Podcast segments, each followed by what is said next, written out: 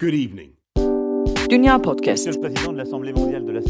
Liebe Mitbürgerinnen, liebe Mitbürger. Haftalık Dünya ve Avrupa gündemi.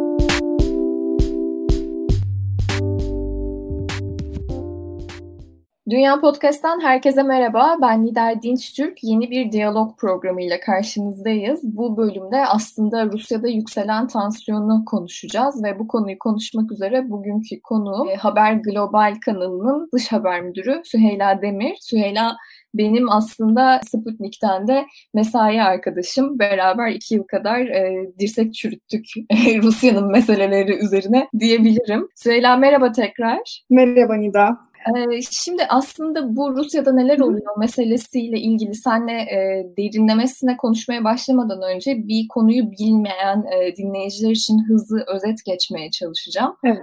E, benim de eksik bıraktığım noktalar olursa lütfen e, sen de e, bana yardımcı ol. Şimdi aslında Rus muhalif Alexei e, Navalny 2010 e, 2009'dan beri Rusya'da yolsuzluk karşıtı ve devlet başkanı Vladimir Putin'e yönelttiği sert eleştirilerle tanınan bir karakter. E, hatta bir Wikipedia gönderisine göre The Wall Street Journal tarafından Putin'in en çok korktuğu adam olarak tanımlanıyor. Bu bana pek gerçekçi gelmese de e, Wikipedia'nın yalancısıyım. Navalny bir süre önce Rusya'da e, Novichok olarak bilinen Sovyet yapımı bir sinir gazıyla zehirlenmişti. Sonrasında da Almanya'da tedavi gördü. Yaklaşık 10 gün kadar önce Berlin'den Moskova'ya döndüğünde gözaltına alındı ve bu gözaltının ardından aslında patlak veren protesto gösterileri Rusya'da tansiyonu yükseltti. E, Navalny'nin Almanya dönüşünde neler oldu e, Süheyla? Evet Navalny hikayesi aslında belki de 2008 yılında da başlıyor diyebiliriz bir blog kuruyor ve de burada yolsuzlukları ifşa edeceğini söylüyor. Genelde devlete ait şirketlerin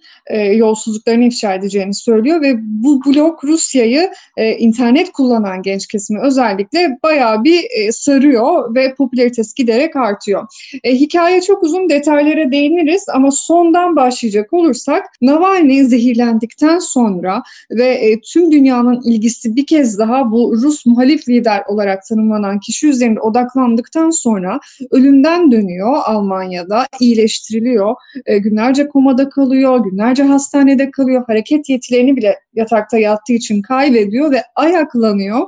Hatta Navalny'yi İsa'ya benzetirler bu nedenle öldü dirildi diye espri yaparlar E, ve bir karar alıyor. Ben Rusya'ya döneceğim. Ki aslında şunu da söylüyor bize benim için zaten Rusya'ya dönmemek gibi bir seçenek, bir soru yoktu. Çünkü benim davam Rusya'da, benim evim Rusya'da, benim ailem Rusya'da, ben Rusya'da varım dedi ve döndü.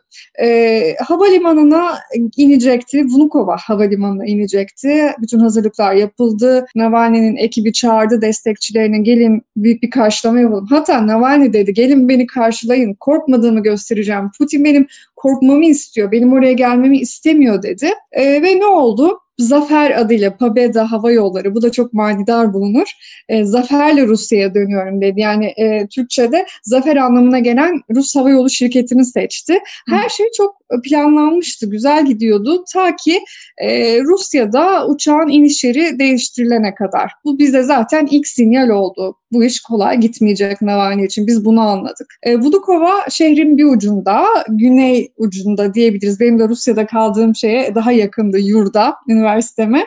Şeremetyevo şehrin bir ucunda kuzey ucunda. E, dolayısıyla destekçilerinin çok hızlı bir şekilde bir havalimanından diğerine gitmesinin imkanı yok. Ona bir zafer tadı e, vermek istemedi Ruslar. Biz bunu anlıyoruz. Ruslar dediğimiz daha doğrusu Rusya hükümeti. E, sonuçta Navalny Şeremetyova'ya indi ve daha pasaport kontrolünü geçemeden gözaltına alındı. E, gerekçe şuydu, Navalny denetimli serbestlik şartıyla e, serbest bırakılmıştı yolsuzluktan hüküm giydiği davanın sonrasında. Ama Almanya'da tedavi görürken, komadayken bu denetimli serbestlik kurallarını yerine getirmesinin imkanı yoktu. Çünkü zaten hastanedeydi. E, dolayısıyla bu kullanıldı aleyhinde e, delil olarak ve 30 gün hapis cezasına çarptırıldı. Şu an tutuklu. Şu an gözaltında değil, tutuklu. Hı. 15 Şubat'ta da e, süre dolacak. Bakalım o zaman ne olacak. Peki Navalny karakteri de enteresan bir karakter. Az önce Hı-hı. senin de e, cümle arasında belirttiğin gibi aslında yolsuzlukla mücadele ediyor fakat kendisi hakkında da bir e, yolsuzluk e, var. Bununla ilgili hüküm de giydi. Diğer taraftan aslında çok ciddi bir e, milliyetçi. Evet. Navalny karakterine dair de bize biraz daha e, bilgi vermen gerekirse neler söylersin? Navalny karakterinden bahsedecek olursak bir kere e, Rusya'da e, şöyle diyelim bir politikacı değil ama bir siyasi figür olarak e, karizmatik bir lider. e, ve gerçekten de yeni medyayı çok iyi kullanan yani işte belgeselini izledin mi bilmiyorum ama özellikle genç kesime çok uzun bir belgeseldi. Hiç bıkmadan onların izleyebilecekleri formatta bir bilgi sunabilen e, bir adam yani dili çok iyi kullanıyor, hedef kitlesini çok iyi seçiyor, hedef kitlesine göre iyi içerik üretebiliyor. Bu iyi içerik üretmek e, kurgu anlamında demiyorum, yanlış anlaşılmasın ama bunu sunabilmek anlamında da diyorum. E, ve e, Navalny avukat, mesleği avukat olan biri, dolayısıyla hukuka e, çok hakim biri, e, çok iyi araştırma e, yapabilen biri, gazeteci e, kimliğine de bürünebilen biri. E, 2008'de dedik girdik hayatımıza. Ee, ve e, o zaman sadece yolsuzlukları ifşa ederken şunu yapmaya başladı Navalny, karakterine de değineceğim. 2011 yılında e, Rusya'da parlamento seçimleri yapılmıştı ve e, Navalny şunu söyledi. Yani Birleşik Rusya Partisi Sahtekarlar ve Yolsuzlar Partisi'dir. Birleşik Rusya Partisi'ne oy vermeyin dedi. Ve e, çok ciddi bir örgütlenme yürüttü internetten daha ilk zamanlarda Birleşik Rusya Partisi'nin biz o seçimlerde %15 oy e, kaybettiğini gördük. Tabii ki bunda sadece başlı başına etken Navalny değildi ama şunu gördük ki biz Navalny'nin çağrısıyla ki o zaman sol hareket de parlamentoda e, temsil edilmeyen sol cephe Udartsov'un liderliğindeki onlar da etkiliydi. Sovyetler Birliği'nin çökmesinin ardından Rusya genelinde en büyük kapsamlı sokak hareketleri, protestolar başlamıştı. Navalny yavaş yavaş sadece şirketleri, devlete ait e, şirketleri ya da iş adamlarının yolsuzluklarıyla uğraşmama halinden, e, uğraşma halinden çıktı ve siyasi süreci etkilemeye yönelen bir figür oldu. E, 2012 yılında Putin'in kazandığı seçimin ardından üzerinde baskı arttı. İşte gördük ki şu an hüküm giydiği o dava, yolsuzluk davası Putin'in zaferinin ardından Navalny'ye bir baskı aracı olarak yöneltilmişti. E, tüm bu süreçte biz Navalny'nin e, sadece e, yolsuzluk hakkındaki fikirlerini öğrenmedik. E, milliyetçilik hakkındaki fikirlerini, Kırım hakkındaki fikirlerini de öğrendik. Bunlar da çok enteresan ve genelde Rusya'da Navalny'yi sevmeyenler tarafından bu noktaya dikkat çekilir. Evet milliyetçi biri hem de ayrımcı diyebileceğimiz yani Müslümanlara hamam böceği diyebilecek kadar, Kafkasya'yı beslemeyelim diyebilecek kadar Rusya bir federasyon ama Navalny e, şunu der yani biz neden Kafkasya'yı besliyoruz, oraya yatırım yapıyoruz, asıl Ruslar burada kötü durumda, biz ilk önce kendimizi düşünelim diyebilecek kadar e, Rus kimliğini savunan biri. Yani e, ayrıcalıklı e, halini e, Rus kimliğinin ya da hakim sınıf e, psikolojisini ve avantajlarını sürdürmeye yönelik biri. Aynı Navalny Kırım e, Rusya tarafından işgal edildiğinde evet zaten Kırım bizimdir diyen de bir Navalny. Dolayısıyla bunlar e, genelde e, Navalny'yi destekleyen medyada çok parlatılmadığı için e, Rusya'da da işte yine bir ikiyüzlülük olarak yorumlanıyor Putin destekçileri, Navalny karşıtları tarafından. Yani aslında çok handikapları içinde barındıran ve e, bir siyasi parti kurmaya çalışan, 2018 yılların yılında e, Putin'e rakip olmaya çalışan biri ama gerçek anlamda bir siyasi program, plan oluşturamamış da biri. E, ama dediğimiz gibi bunlar Navalny'nin eksi yanları olabilir. E, şöyle artı yanları da var. E, neden bu kadar zaten Rusya'da daha hapisten binlerce kişiyi sokağa dökebilecek kadar güçlü bir kişiden bahsediyoruz biz. E, Rusya'daki bir boşluğu çok iyi dolduruyor, muhalefet boşluğunu. Hı hı. Peki e, gerçekten Putin için tehdit mi? Ya Putin için tehdit mi konusunda e, şöyle bir şey, şu anda dediğimiz gibi e, Putin için siyasi anlamda bir tehdit mi? Hayır. Çünkü e, kılıfına uyduruldu ve 2018 yılında başkan adaylığı olması engellendi. Hüküm giymiş bir kişi olduğu için onay almadı. Dolayısıyla Putin'in karşısında gerçek bir rakip değil. E, gerçek bir tehdit mi? e, evet bir tehdit. Çünkü e, yani Putin 2000 yılından beri Rusya siyasetinde olan bir isim. Şu anda iktidardan ayrıldıktan sonra dahi yani başkanlık koltuğunu terk ettikten sonra dahi siyasi süreci etkilemek üzere anayasayı değiştiren bir isim. E, yani Putin bu kadar e, iktidardan çekilme heveslisi değilken e, Navalny gibi biri e, muhalefet olarak parlamentoda temsil edilmeyen ve kontrol edilemeyen e, kesime liderlik ediyor. E, seçim sonuçlarını e, değiştirebilecek, Birleşik Rusya Partisi'nin gücünü azaltabilecek kadar stratejik oy taktikleri kullanıyor ve bunu çok iyi örgütlüyor ki zaten bunu yaptığı Sibirya'da Birleşik Rusya'nın e, çok sembolik, çok önemli oy kaybı yaşamasına yol açan seçimlerin ardından bu örgütleme faaliyetlerinin ardından dönerken zehirlendi. Yani bu da çok önemli bir nokta. Evet. Yani e, bir anlamda tehdit görüyoruz. Evet bir fiil bir parti kurup bir fiil seçimlere katılamıyor ama e, seçim sürecini, karar verme sürecini, bu demokrasi sürecini etkileyebilecek kadar e, planlı bir muhalefet de yürütüyor. E, diğer yandan Rusya'da e, baktığımızda evet muhalif partiler yok mu? Var. Komünist Parti, Liberal Demokrat Parti, Aldi Rusya Parti ama bunların e, hepsi en önemli konularda Putin'in politikalarını, iktidarın politikalarını destekleyen partiler. Yani bunlar görünürde muhalif partiler, güdümlü, kontrol edilebilir muhalif partiler. Zaten Rusya'daki demokrasiyi tanımlarken şöyle bir tespit yapılır, yönetilen demokrasidir yönetilen ama halk tarafından değil, e, iktidar tarafından yönetilen yani göstermelik kurumlar, göstermelik seçimler olur, göstermelik muhalif partiler olur ama e, gerçek anlamda e, iktidarı eleştirebilen e, bir hareket, bir süreç yaşanamaz. İşte Navalny tam bu noktada e, kral çıplak deyip e, tüm bu ilizyonu çok geniş bir kesime, e, yeni medya üzerinden e, duyurabilen ve bunu dünyada da yankılandırabilen çok güçlü bir figür. Dolayısıyla evet tehdit. Ama bu tehdit Putin'i koltuğundan eder mi? Kısa vadede böyle bir şey mümkün değil. Hı hı. Peki şimdi sokakta neler oluyor Rusya'da hı hı.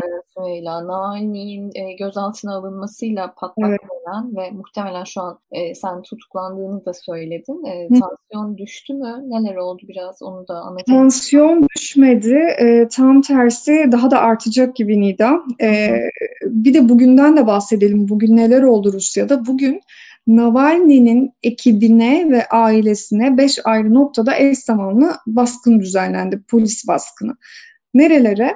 E, Navalny'nin eşi Yulia Navalnaya, e, yardımcısına, Navalny'nin yine siyasi bir aktivist olan kardeşinin evine, aynı şekilde Navalny'nin Yolsuzlukla Mücadele Vakfı ofisiyle YouTube yayınlarını yürüttüğü Navalny Live kanalının stüdyosuna polis baskın düzenledi. Biz buradan şunu anlıyoruz. Şimdi 31 e, Ocak için yani bu pazar için Navalny'nin ekibi ve Navalny'nin kendisi sokağa çıkın daha çok e, katılımla sokağa çıkalım ve artık e, sesimizi duyuralım çağrısı yapmışken pazar günü yeniden Rusya'nın e, sokaklarında çok e, geniş kapsamlı protestolar beklenirken şunu diyor bize e, Rusya iktidarı ben buna izin vermeyeceğim ve e, baskı politikasından da vazgeçmeyeceğim. Bunun mesajını veriyor. Dolayısıyla şu an hala siyasi tansiyon yüksek. Öte yandan şöyle durumlar da var. E, gördük ki bu protestolara katılanların çoğu gençler, üniversite öğrencileri,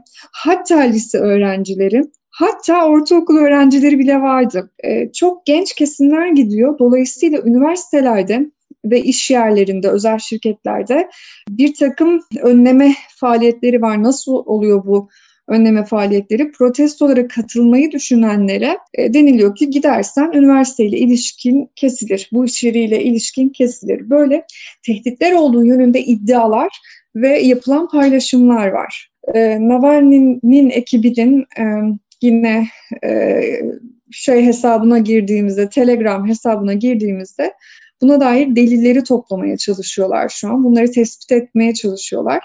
Dolayısıyla bir yandan sokağa çıkmak isteyen, buna bütün baskıya rağmen hazır olan bir grup var. Ee, bir yandan bunu engellemeye çalışan ve gözdağı veren polis baskınlarıyla işte tehditlerle başka bir taraf var. e, birazcık daha çalkantı sürer ama e, Belarus'taki gibi çok güçlü haftalarca devam eden bir sürece dönüşür mü? Tabii ki e, yani tahminde bulunabiliriz ama ben Belarus'taki bir süreci yaşayamayacağımızı düşünüyorum. Peki e, aslında Navalny'in bilinirlik oranı artarken destek oranı evet. aynı anda artmıyor. Bu da e, enteresan bir e, evet. Fakat e, sokaktaki hareket e, bunun da karşılığını veriyor mu? Yani işte geride kalan yıllarda benzer bir olay yaşansaydı acaba e, Rusya siyaseti içinde daha sarsıcı mı e, olurdu ve e, neden aslında aynı oranda artmıyor bu? Ne ne demek lazım? Navalny'e verilen destek oranı hani evet. evet. Şimdi bir rakamlar üzerinden gidelim, sonra bunu konuşmaya çalışalım. Levada e, Center var, Levada Kamuoyu Araştırma Merkezi Rusya'da özel diyebileceğimiz e, iktidardan bağımsız bir anket şirketi. Şöyle bir tablo çıkarıyor karşımıza. 2011 yılında Rusya'da Navalny biliyorum diyenlerin oranı sadece %6'ymış. Bu %6'lık kesimde büyük ihtimalle interneti kullanan e, gençlerden oluşuyor çoğunlukla. 2013'te bu oran %41'e ulaşmış. Tabii ki bunda davaların etkisi var. Navalny davanın açıldığı e, ve Putin'i daha çok hedef almaya başladığı yıldı e, 2013 yılı. 2020'ye yani geçen yıla gelindiğinde ise Navalny'yi biliyorum diyenlerin oranı Rusya'da %82'ye çıkmış. E, yani e, bu e, anket bu arada daha zehirlenmeden önce yapılmış. Peki e, Navalny'e destek oranı neden %82 değil? E, e, daha doğrusu bilinirlik oranı e, olsa da yani neden destek oranı mesela Putin 2018 seçimlerini %60 oy %63 oy oranıyla kazandı.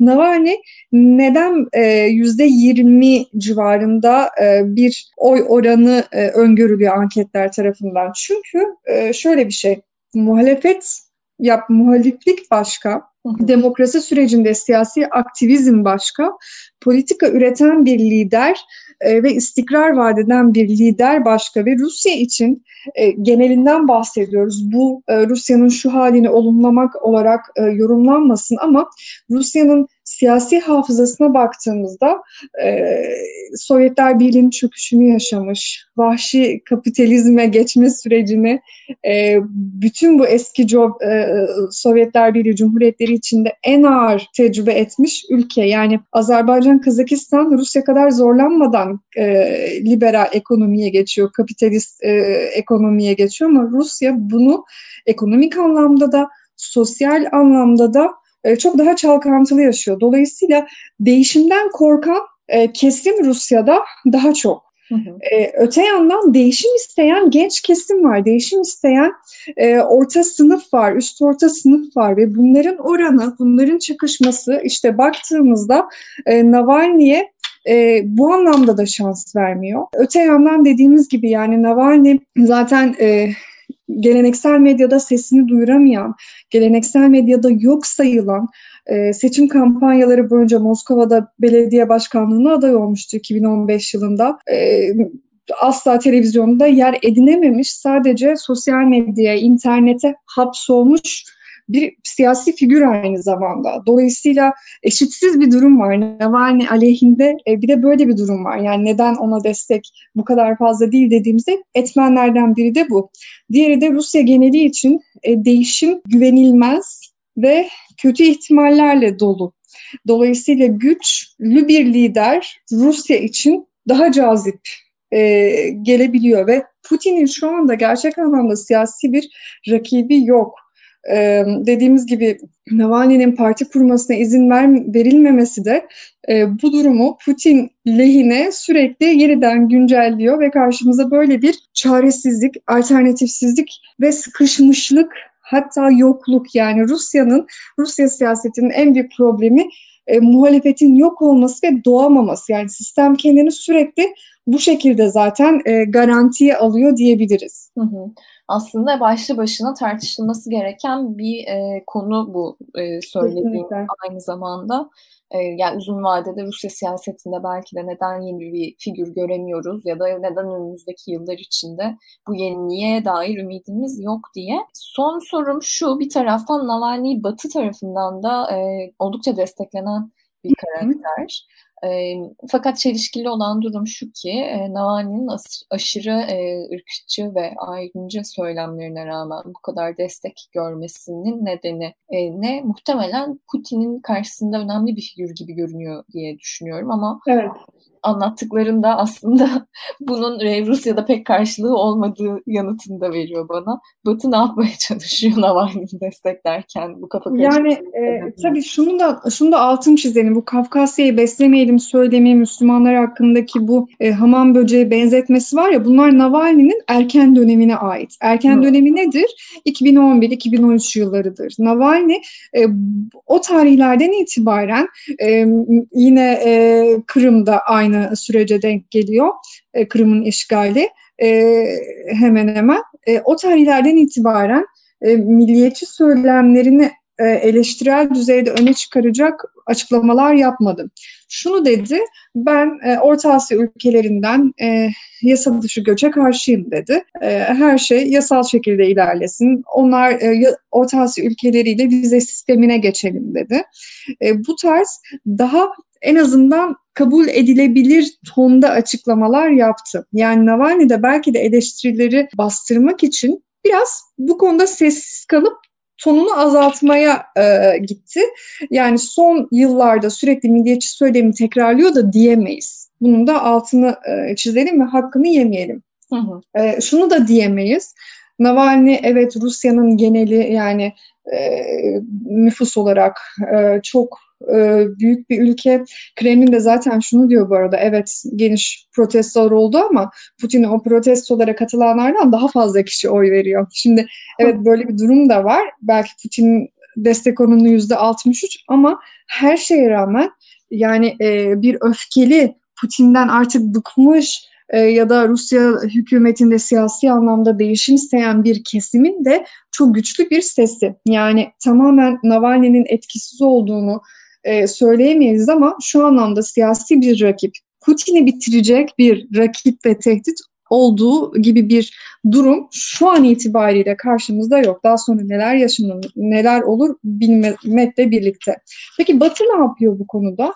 Ee, Batı e, bir muhalif hareketin özellikle Almanya ki orada tedavi görmesi de e, işin sadece tes tesadüf boyutu değil, Rusya'daki demokratikleşme hareketine özellikle Avrupa Birliği ülkelerinin e, destek verme tutumunda olması, Amerika Birleşik Devletleri'nin de bu tutumda olması ve parlayan bir figür olarak ya Putin'in karşısında yani bakın çok ağır cümlelerle mesela bunu belki de Türkiye'de hayal edemeyiz. Rusya'nın kanını emen emen lüks düşkünü e, hırsız gibi çok ağır ithamlarla, e, çok ağır bir belgeselle karşısına çıkma cesaretini gösteren bir figürden bahsediyoruz ve e, hapse giren, defalarca tutuklanan, gözaltına alınan, zehirlenen ki daha önce de zehirleme e, girişimine maruz kalmıştı. E, ölümden dönen bir figür yani e, dolayısıyla e, sahiplenilmesi, destek çıkılması e, gereken bir figür olarak görülüyor. Çünkü Navalny sadece Navalny olarak görülmüyor. Onun bir şöyle tanımlanıyor sürekli.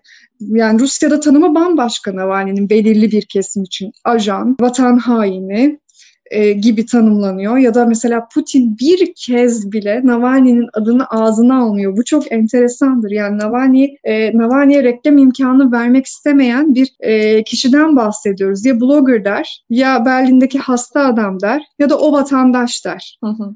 Navalny'nin adını ağzına almaz. Ama e, işte baktığımızda Avrupa Birliği ve Amerika Birleşik Devletleri için Navalny sadece bir figür değil, bir lider. O da e, nasıl bir lider? Parlamentoya girememiş, Rus parlamentosunda yer edememiş, sistematik olmayan muhalef hareketin, muhalefet hareketinin lideri işte sokaklara çıkabilen, sesini böyle duyurabilen, bir parti tarafından temsil edilmediğini düşünen ama e, ortak noktaları işte Putin karşıtlığı, Birleşik Rusya karşıtlığı olan bir kesimin lideri. Hı hı. Süheyla çok teşekkür ederim. Aslında bu meseleye dair de konuşulacak çok fazla başlık var. Yani Navalny'nin nasıl zehirlendiği bile başlı başına bir evet, e, evet. merak konusu.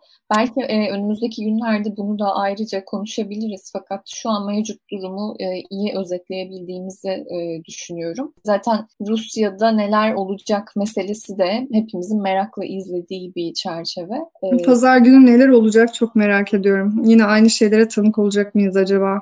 Evet, evet. Yani Hı-hı. belki bu gelişmelerin üstüne tekrar bir araya geliriz e, diye düşünüyorum ben. O zaman daha e, derinlemesine, daha güncelle beraber e, yeni evet. sorularla üstünden geçeriz. E, çok teşekkür ederim tekrar. Ben çok çok teşekkür ederim. E, radyo tadında konuşmayı çok özlemişim. O zaman. Yaparken evet yine radyo e, tarzında bu podcastler e, gerçekten e, klişe olacak ama samimi ve güzel geliyor. çok Umarım dinleyenler de mutlu olur. Peki görüşmek üzere öyleyse Süheyla. Hoşçakal. Hoşçakal.